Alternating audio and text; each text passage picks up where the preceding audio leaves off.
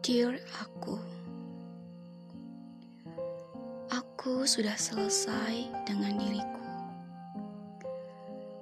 Perasaanku, masa laluku juga sudah kutamatkan.